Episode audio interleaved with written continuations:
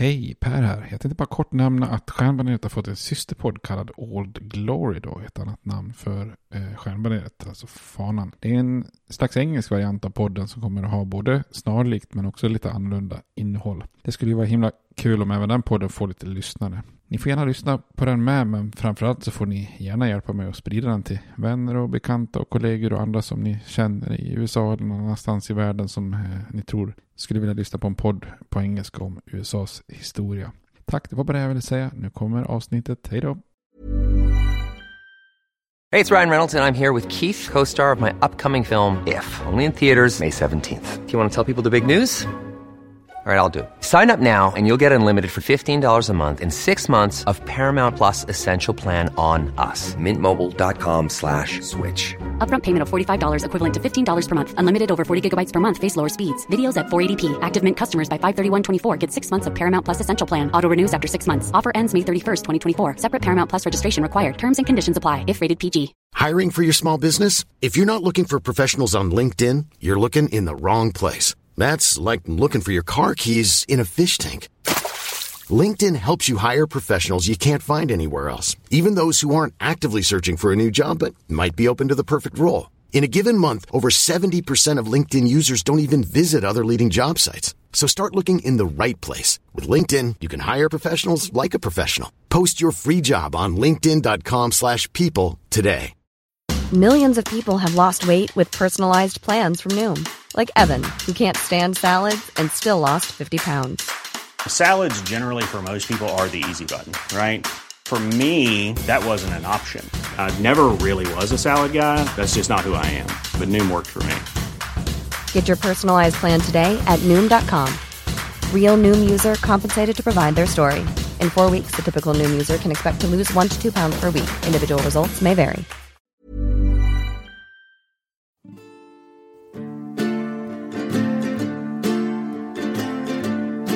We hold these truths to be self-evident, that all men are created equal, that they are endowed by their Creator with certain unalienable rights, that among these are life, liberty, and the pursuit of happiness. Now we are engaged in a great civil war, testing that government of the people, by the people, for the people, shall not perish from the earth.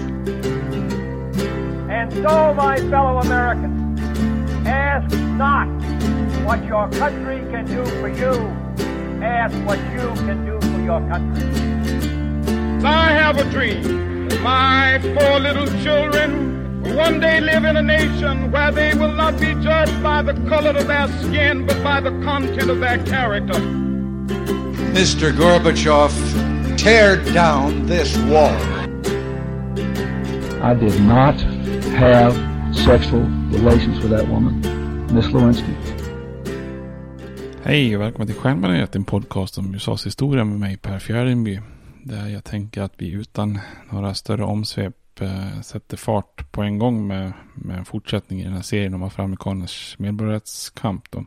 Förra avsnittet så tittade vi lite grann på Nation of Islam, Malcolm X eh, och den här radikaliseringen av organisationerna CORE och Snick inom medborgarrättsrörelsen. Eh, och vi ser att den här lite svängningen mot mer radikala tankar och idéer befästes lite grann då med det här uttrycket Black Power som Stokely Carmichael börjar basunera ut då. Eh, Stokely Carmichael var ju ny ledare i Snick då. Och eh, idag tänkte jag vi skulle ta det här med Black Power vidare och se vad det innebär för medborgarrättsrörelsen.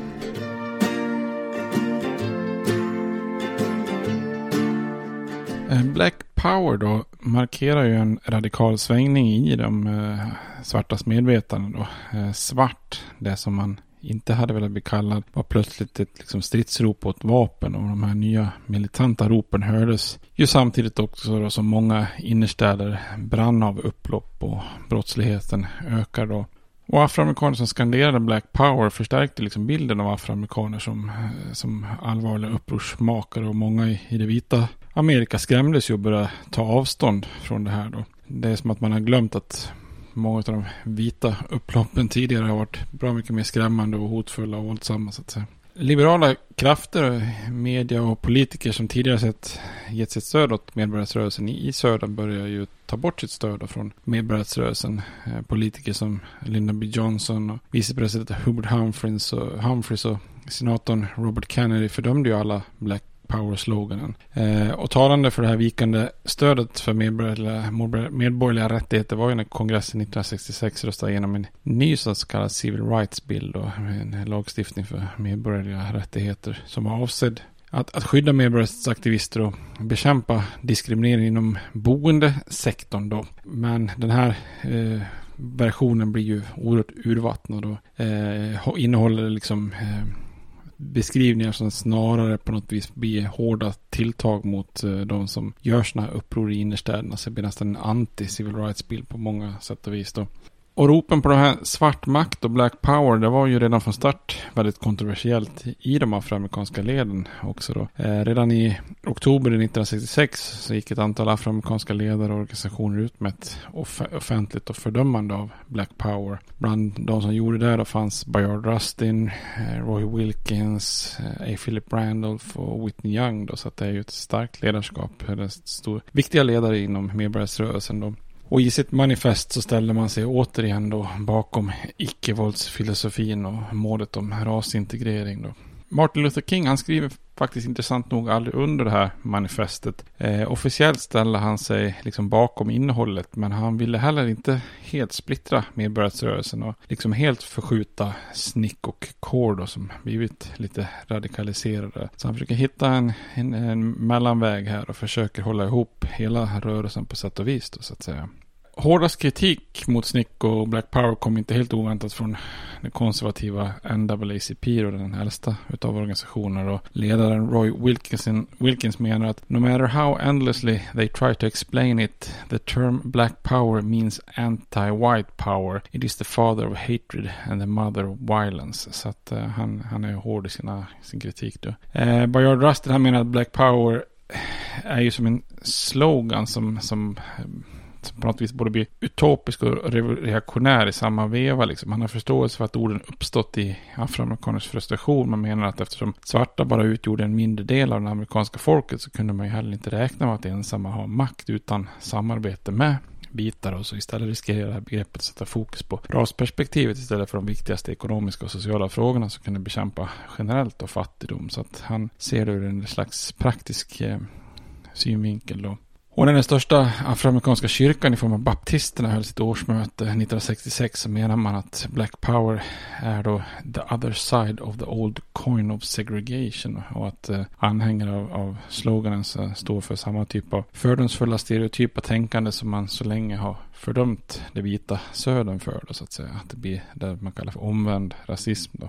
Och många av de här moderata ledarna inom medborgarrättsrörelsen var förtvivlade över att man inte kunde stoppa den här radikaliseringen som Black Power innebar. Då. De förstod ju liksom hur begreppet tilltalar folk som förtryckts då i århundraden och som kände en fruktansvärd frustration. Men samtidigt hade ju hela den här frustrationen hanterats på ett balanserat sätt tidigare då. En balans som sakta liksom skapat framsteg och som gradvis då hade avskaffat Jim Crow. Eh, och en av de eh, som, som eh, som betona det här var ju Whitney Young då, eh, som jobbade för Urban League, som väldigt hårt hade jobbat då tillsammans med liberala vita för att driva igenom då, eh, och han ville ju få till en, vad han kallade för en Marshall Plan for the Negro, alltså Marshall Plan är ju liksom kopplad till den här ekonomiska planen för att återuppbygga Europa efter andra världskriget och att man borde bygga upp de eh, afroamerikanska ned, nedgångna innerstäderna då på samma sätt med en tydlig hänvisning till det. Och Youngs variant var ju då en plan som skapade socioekonomiska framsteg som jobbsatsningar bland svarta, bättre boenden i surslummen och bättre skolor. Och han förespråkar ju eh, redan här i,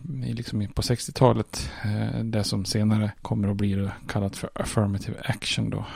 Men och de här radikaler som Carmichael, de pratar väldigt mycket ofta om då ledare som Young och King och de här. Eh, och mycket handlar kring det här med ska man samarbeta med liberala vita eller inte då. Eh, de etablerade ledarna, eller de, de äldre ledarna, då menar ju att, liksom att deras förslag och planer hade ju på många sätt kompenserat svarta för flera generationer av rasism då, och bättre förena sig med fattiga, vita och liberaler för att verkligen göra situationen bättre än att bara ägna sig åt eh, radikala budskap då. De eh, moderata ledarna insåg ju också väldigt korrekt att den här sloganen skulle avskräcka många av, av de här vita allierade, bland liberala leden som skulle kunna hjälpa dem att bekämpa fattigdomen. Man, man kan säga att afroamerikaner fick betala ett väldigt högt pris för sin svängning mot eh, rasseparatism och en mer vänsterorienterad eh, radikal, radikal reaktionism. Då. Och som, precis som King och många andra befarade så innebar ju Black Power en, en, väldigt, en väldigt vit exodus från medborgarrättsrörelsen. Alltså vita som lämnar eller till och med blir utslängda av snick från medborgarrättsrörelsen då Många, många vita såg det som att nu är det de svartas kamp så att säga. Ehm, Black Power handlar ju om att förändra svartas självmedvetande och innebörden av att vara svart. Något som liksom vita inte kunde vara en, en del av då. Ehm, och frustrerat så kunde ju inte de moderata medborgarledarna stoppa det här Black Power. Carmichaels budskap var ju väldigt karismatiskt och gick ju hem bland yngre och fattiga svarta då. Ehm, Black, Black Power var ett sätt att verkligen beröra svartas känslor på djupet och fånga en publik då. Och att kritisera den här sloganen var ju lite som att sänka sin, vad ska man säga, street credibility. Man verkar inte så gatusmart om man eh, kritiserar Black Power då.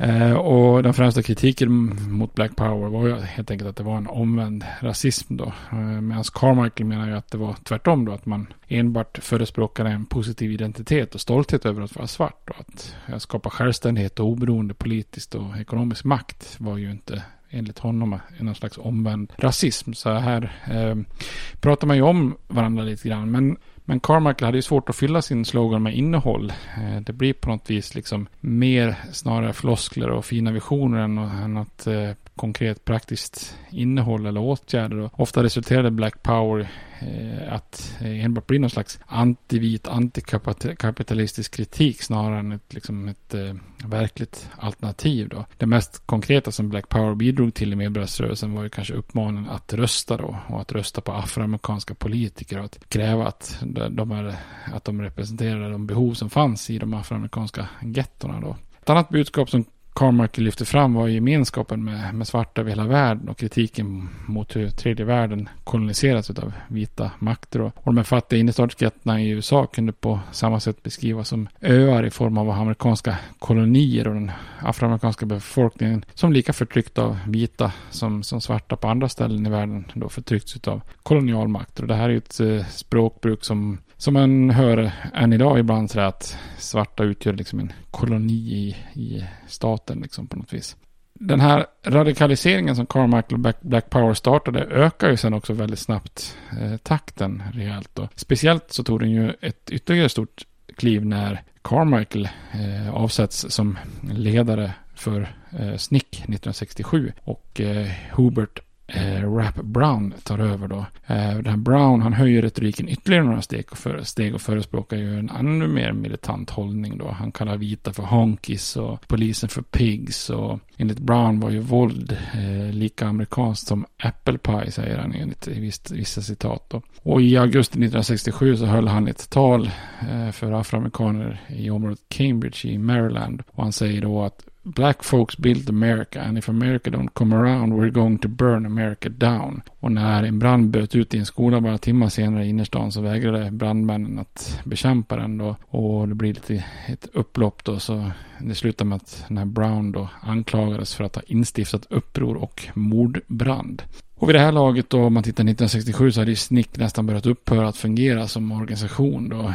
SNICK hade ju fötts som en riktig gräsrotsrörelse bland studenterna som på plats eh, organiserade och utförde liksom sådana här sit-ins och praktiska protester. Och, och de tidigare starka lokala kontoren började ju i hastig takt att försvinna där de tidigare hade funnits. Då. Och i de här innerstadsgettorna där man liksom enligt retoriken ville hjälpa och befria från förtryck fanns ju liksom inte några lokala kontor som kunde utföra något praktiskt arbete. Då. Eh, och när tidigare liksom etablerade frontfigurer som exempelvis Carmichael, James Foreman och John Lewis och så tvingats ut ur organisationen eller lämnat frivilligt då så så, så blir det ju en kris då. Och eh, de vita organisationer som har försett SNICK SNIC med finansiering eh, drar ju tillbaka det här. Så, 1969 så hade i princip SNIC upphört att existera som, som organisation då så att säga.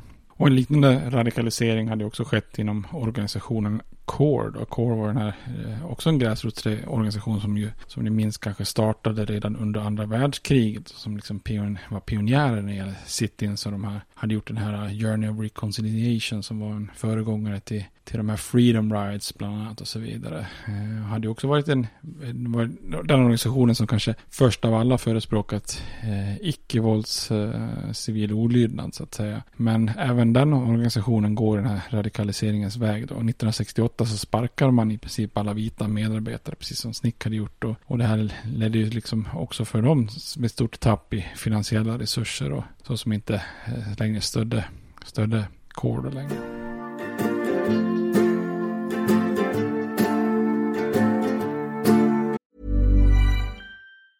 Hey, it's Ryan Reynolds, and I'm here with Keith, co star of my upcoming film, If, only in theaters, May 17th. Do you want to tell people the big news? All right, I'll do it. Sign up now and you'll get unlimited for $15 a month in six months of Paramount Plus Essential Plan on us. Mintmobile.com slash switch. Upfront payment of $45 equivalent to $15 per month. Unlimited over 40 gigabytes per month. Face lower speeds. Videos at 480p. Active Mint customers by 531.24 get six months of Paramount Plus Essential Plan. Auto renews after six months. Offer ends May 31st, 2024. Separate Paramount Plus registration required. Terms and conditions apply if rated PG. Hiring for your small business? If you're not looking for professionals on LinkedIn, you're looking in the wrong place. That's like looking for your car keys in a fish tank. LinkedIn helps you hire professionals you can't find anywhere else, even those who aren't actively searching for a new job but might be open to the perfect role. In a given month, over 70% of LinkedIn users don't even visit other leading job sites. So start looking in the right place. With LinkedIn, you can hire professionals like a professional. Post your free job on linkedin.com slash people today.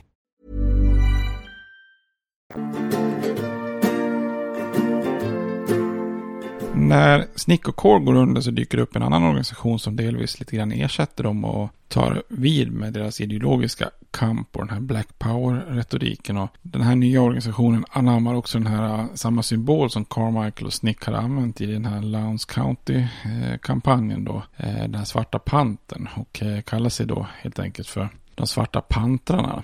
Eh, eller för om man ska vara riktigt exakt då Black Panther Party for Self-Defense. Eh, som det från eh, början hette då formellt då. Och det här Black, Power, eller Black Panther-partiet bildades 1966 i Oakland i Kalifornien utav två herrar som heter Huey Newton och Bobby Seale. Och de bildas lite grann som en reaktion från, av, av, av Watts-upproret och mordet på, på Malcolm X då.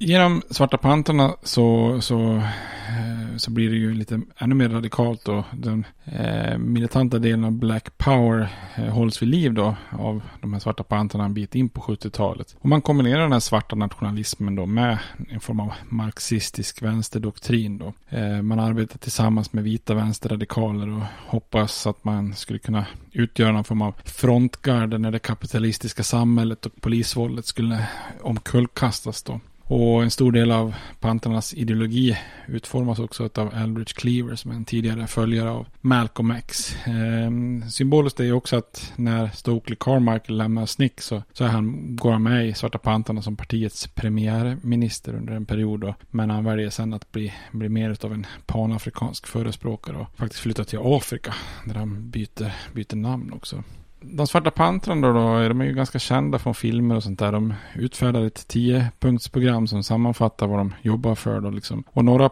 punkter så lyfter man fram då ganska rimliga krav som ett slut på polisbrutalitet och full sysselsättning och massa annat. Och en annan punkt krävde till exempel att i liksom marxistisk anda att kapitalister skulle sluta råna det svarta samhället. Sen började man bli lite mer luddig och andra kanske var nästan mer orimliga och stack ut som krav på att alla svarta fångar skulle släppas ur fängelserna och att FN skulle administrera folkomröstningar i städernas svarta getton och så. Så det är ganska spretigt eh, program kan man säga då. Och om de här programmet kanske och de här tio punkterna var lite mindre realistisk och lite spretigt så, så var deras stil eh, i partiet då ganska genomtänkt och, och lockade väldigt många medlemmar då. Eh, medlemmarna i Svarta Pantrarna bar ju oftast svarta läderjackor, lät eh, håret växa ut till stora afrofrisyrer då. Och den här Panterstilen blev ju oerhört populär både inom och utanför själva organisationen och bidrog ju också till att organisationen kändes lite mer modern och precis så radikal som man liksom önskade sig själva då. Och det här har man ju sett många gånger på bild liksom hur, eh, när man ser de här gamla svarta pantrarna. Eh, på ett praktiskt plan så jobbar organisationen med saker som att dela ut frukost till fattiga barn och hälsoprogram och utbildning i svart historia och föreläsningar mot narkotika och sådär. Eh, och mycket av arbetet går ut på att skapa en stolthet över att vara svart på samma sätt, som Malcolm X hade predikat och, eh, och den slogan man använde för sitt arbete, Power to the People, som ju bland känns igen från rapmusik som Public Enemy till exempel. Eh, 1969 så byter partiet namn då och skippar det här tillägget for self-defense. Eh, ändå är på något vis det här med självförsvar ändå en av de viktigaste aspekterna av Svarta Pantrarna. På många sätt är man en lite slags paramilitär grupp då. Och deras budskap till afroamerikaner var ju att även de har ju rätten att bära vapen i USA då. Och målet var ju att skydda svarta mot rasism och våld då. Och i praktiken att skydda svarta från polisen blir det ju då i innerstadsgetterna då. Eh, det var ju fler som dog av polisvåld i storstadsområden eh, utanför södern än det våld som liksom klanen och andra utövade i själva södern då. Eh, så att här ser man ju en viktig roll då. Och för att stoppa den här polisbrutaliteten så skulle man då försöka markera sin närvaro i samhället och om man säger bevaka bevakarna så att säga som en alternativ polisstyrka. Det är i det här vevan som man börjar kalla polisen för pigs bland annat då. Och de svarta Panterna bildar ju liksom i princip någon slags medborgargarden som beväpnar och lite utan fruktan följde efter och bevakar poliserna i de här områdena. Eh, så att här har man ju liksom eh, ett sätt att försöka patrullera innerstadskvarteren beväpnade och redo att agera ifall polis ägnar sig åt eh, övervåld så att säga. Eh, och då leder det ju naturligtvis ofrånkomligt till uppmärksamhet och, och, och konflikter och panterna skapar till exempel nationell uppmärksamhet när de beväpnade marscherar in i Kaliforniens lagstiftande församling 1967. Då man blir också involverad då, i, och med, i och med att man är ute i kvarteren och bevakar polisen då. Så är det ju ofrånkomligt att man blir involverad i, i flera skottväxlingar med polisen då så att säga. Eh, en av grundarna då, Huey Newton, han arresterades 1967 för att just ha skjutit en polisman i Oakland. Eh, Newton menar ju att polisen skjutit först och att han inte hade avfyrat skotten som dödade polismannen. Men i slutändan så läggs faktiskt fallet ner av domstolarna. Men den här händelsen skapar ju väldigt mycket rubriker för både Newton själv och de svarta pantrarna. Och många afroamerikaner engagerar sig i en kamp kampanj som kommer att kallas för The Free Huey eh, move, eh, Movement. Då. De svarta pantrarnas rykte var ju i och för sig då långt mycket större än vad deras faktiska liksom, organisation på, på gräsrotsnivå eller deras faktiska politiska inflytande gav, eh, egentligen innebar i praktiken. Då. när organisationen hade som mest medlemmar 1969 69 så var antalet ändå så pass lågt som 5 000 personer. Då. Trots den här ringa storleken så, och, och ganska lilla inflytande så skrämmer naturligtvis svarta pantarna skiten ur många vita då. Alltså man ser svarta män med vapen, skinnjackor, svarta baskrar och afrokrull, till frisyr så att säga som bevakar poliserna liksom och drar runt med vapen i samhället. Alltså det, det, det, det skrämmer ju verkligen vita. Eh, folk var liksom alldeles chockade över deras eh, fräckhet. Och, eh, för många vita blev det som ett parallellt omvänt samhälle där det vitas våld skulle återgäldas. Liksom. Och beväpnade stolta afroamerikaner som förespråkar black power och inte döljer sig för att visa sina vapen och möta polis, polisbrutalitet med motvåld. Alltså det, på många sätt och vis kan det inte bli värre ur vitas perspektiv. Och det skapar enorma rubriker på nationell nivå långt bortanför all rimlig proportion. Då. Eh, och det är ju tråkigt på sätt och vis då, för det här överskuggar ju också det, det som pantrarna gör bra då, om man säger det här med frukost och utbildning och, och sådana saker, ta hand om och hjälpa fattiga barn in i städerna så att säga. Det, det hamnar liksom i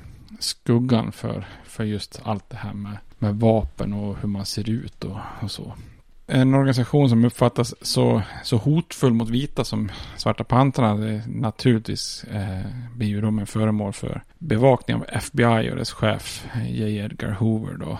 Och Hoover han inleder en omfattande operation för att krossa Black Power-rörelsen. Då. Och av alla hot som, eh, som Hoover kunde se då, så, så såg han ju eh, Svarta Pantrarna som det mest allvarliga. Då. Och han kan man säga överskattar ju grovt det inflytande som organisationen hade då han vill till och med hävda att Svarta Pantrarna är det amerikanska samhällets fiende nummer ett. Då. Och han blev ju fast besluten om att krossa dem genom att trakassera, infiltrera och ta till övervåld. Och tillsammans med lokal polis slog FBI till mot alla militanta och nationalistiska grupper som Svarta Pantrarna. Oftast med lite lömska metoder som knappast var förenade med konstitutionen. Då. I augusti 1967 så distribuerade Hoover en underrättelsestrategi som fick benämningen Cointelpro. Eh, där det beskrivs hur man ska eh, bedriva kampanjen då. Man skulle som han uttryckte det expose, disrupt, misdirect, discredit or otherwise neutralize the activities of black nationalist hate type organizations and groupings, their leadership, spokesman, membership and supporters and to counter their propensity for violence and civil disorder. Och den här strategin blir ju väldigt förödande för, för alla nationella svarta, eller nationalistiska svarta grupper då. Eh, FBI-agenter till exempel infiltrerar ju då de svarta pantrarna, eh, provocerar fram våldsamma brottsliga aktioner som myndigheterna sen kunde ha som förevändning att slå till mot dem. Och än idag är det lite oklart hur många av de här brotten som förknippas med svarta pantrarna som, som egentligen bara var iscensatta av agenter och hur många som egentligen då utfördes på organisationens egna Eh, initiativ. Eh, och våldsbrott och arresteringar bidrog ju till att Svarta Pantrarna fick ett väldigt dåligt rykte då. 28 stycken pantrar dödades av myndigheterna och, och ytterligare 750 arresteras då. Och en av de mest uppmärksammade, eh, eller uppseendeväckande händelserna är ju när polisen i Chicago slog till mot eh, de Svarta Pantrarnas högkvarter i den 4 december 1969 då. Eh, det är en gryningsräd där man dödades de två ledarna Fred Hampton och Mark Clark i sina sängar då. Eh, Hampton dödades ju medan han fortfarande låg och sov och efteråt konstaterar man att polisen har avfyrat ett hundratal skott in i lägenheten och när man upptäckte att Hampton fortfarande levde hade någon avrättat honom med två skott i pannan på nära håll. Då, så att säga. Roy Wilkins från NAACP och Johnston-administrationens forna justitieminister Ramsey Clark ledde en utredning som drog slutsatsen att Clark och Hampton hade dödats utan orsak av polisen och att den federala staten tvingades till slut då att ersätta deras efterlevande. Då. Men samtidigt det här är ju svåra slag mot själva organisationen då. Så livslängden på de här äh, militanta, radikala, nationalistiska äh, organisationerna som Svarta Pantrarna och, och liknande rörelser blir ju väldigt kortlivade. Redan runt 1974 så hade de flesta upphört att existera då. Eh, offer för lite flummiga budskap och framförallt då polisens överdrivna motkampanj då. Eh, men också lite grann gruppernas egna oerfarenhet över hur en framgångsrik medborgares rörelse borde drivas och hur man faktiskt får framgångar som eh, på något sätt är Eh, går att implementera i samhället och, och får politisk kraft då, så att säga.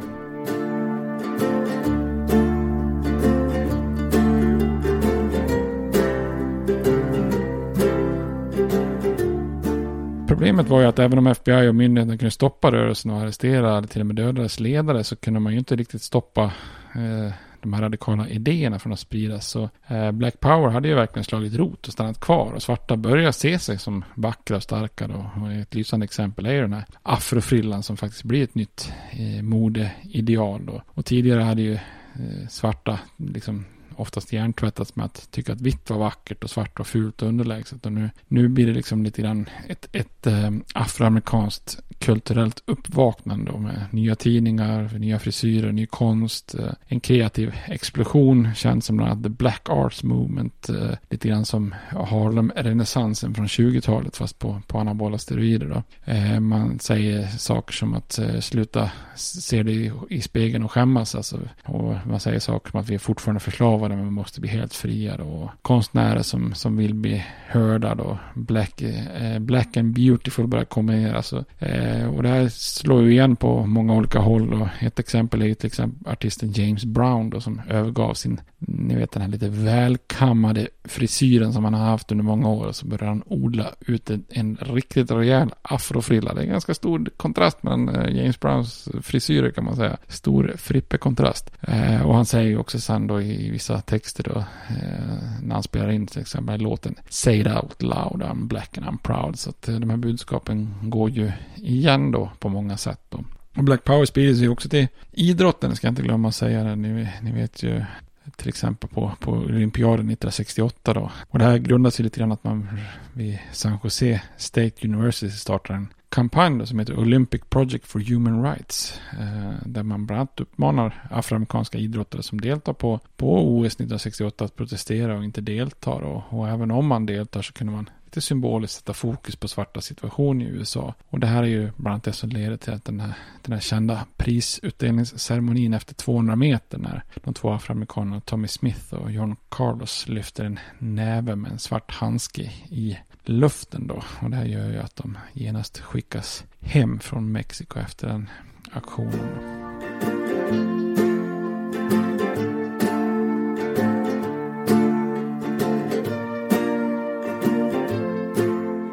Men, så att arvet finns ju kvar efter de här svarta pantarna och liknande organisationer. Och, eh, inom ett område så levde ju verkligen arvet från svarta pantarna kvar. Det var ju kampen för fångars rättigheter. Då. Eh, ett av de här sociala programmen som pantrarna drivit hade ju varit fokus på situationen med att allt fler svarta eh, personer sitter fängslade och inspärrade över hela landet. Då. Eh, när vi kommer fram till år 1970 så är mer än hälften av alla som satt i fängelse i USA afroamerikaner. Då, och i en delstat som New York var så hisnade så mycket som 70% av alla fångar svarta då, samtidigt som man utgör ungefär liksom 11% av befolkningen. Afroamerikanska aktivister protesterade ju eftersom de ansåg också att många svarta satt i fängelse på grund av rasism och att de tillhörde den fattiga klassen snarare liksom än andra orsaker. Att många straff var orättvisa och att förhållandena i, i fängelset dessutom var, är vidriga då så att säga. Och en känd förkämpe för afroamerikanska fångar var ju Angela Davis då. Eh, Davis var ju faktiskt lärare i filosofi vid University of California i Los Angeles. Eh, eh men fick eh, sparken då officiellt på grund av att hon saknade examen. Men i praktiken för att hon var medlem i kommunistpartiet. Då. Angela Davis anslöt sig till Svarta Pantrarna och, och började där engagera sig i, i deras kamp för fångars rättigheter. Och det här arbetet gjorde ju att hon också blev eh, den första afroamerikanska kvinnan att hamna på FBI's lista över de tio mest samhällsfarliga personerna och, och att hon då, då övervakades. 1970 så jobbade Davis med ett fall där tre fångar på Soledad-fängelset i Kalifornien varav en hette George Jackson anklagades för att ha skjutit en vit vakt. Eh, Jonathan Jackson då, som är yngre broder till George, gjorde i augusti en räd mot tingshuset i San Rafael i Kalifornien för att ta folk till gisslan och för att kunna utväxla gisslan då mot sin fängslade bror och kompanjoner. Och det här gisslandramat slutade i skottväxling med polisen där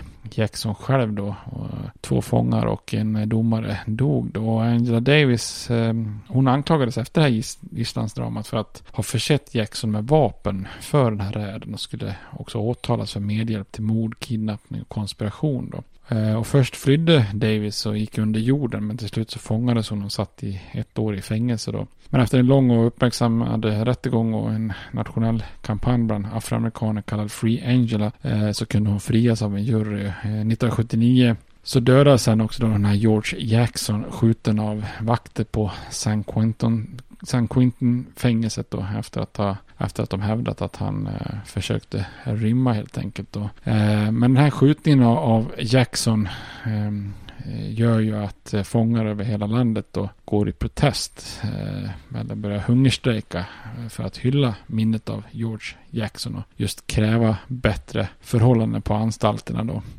och det här går ju väldigt långt på fängelset Attica i, i New York då som är ett fängelse som klassades som ett av de med högst säkerhet.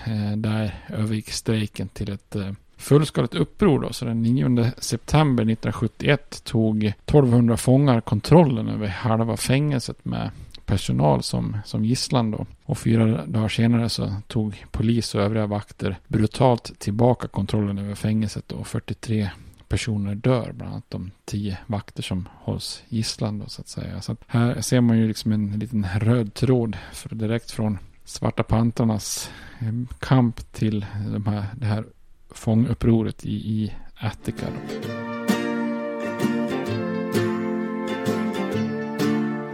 Så att den här radikaliseringen av medborgarrättsrörelsen har ju en tydlig uppgång och ett fall då.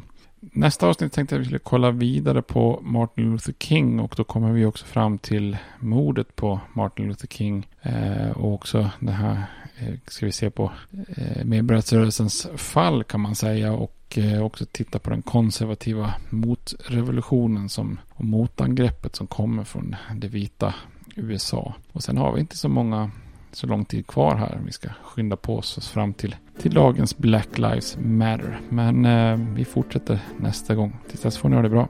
Hej då. States like these and their terrorist allies constitute an axis of evil. And if the hippies and the yippies and the disruptors of the systems that Washington and Lincoln as presidents brought forth in this country will shut up and work within our free system of government, I will lower my voice. If the impeachment provision in the Constitution of the United States will not reach the offenses charged here, then perhaps that 18th century Constitution should be abandoned to a 20th century paper shredder. Therefore, I shall resign the presidency effective at noon tomorrow.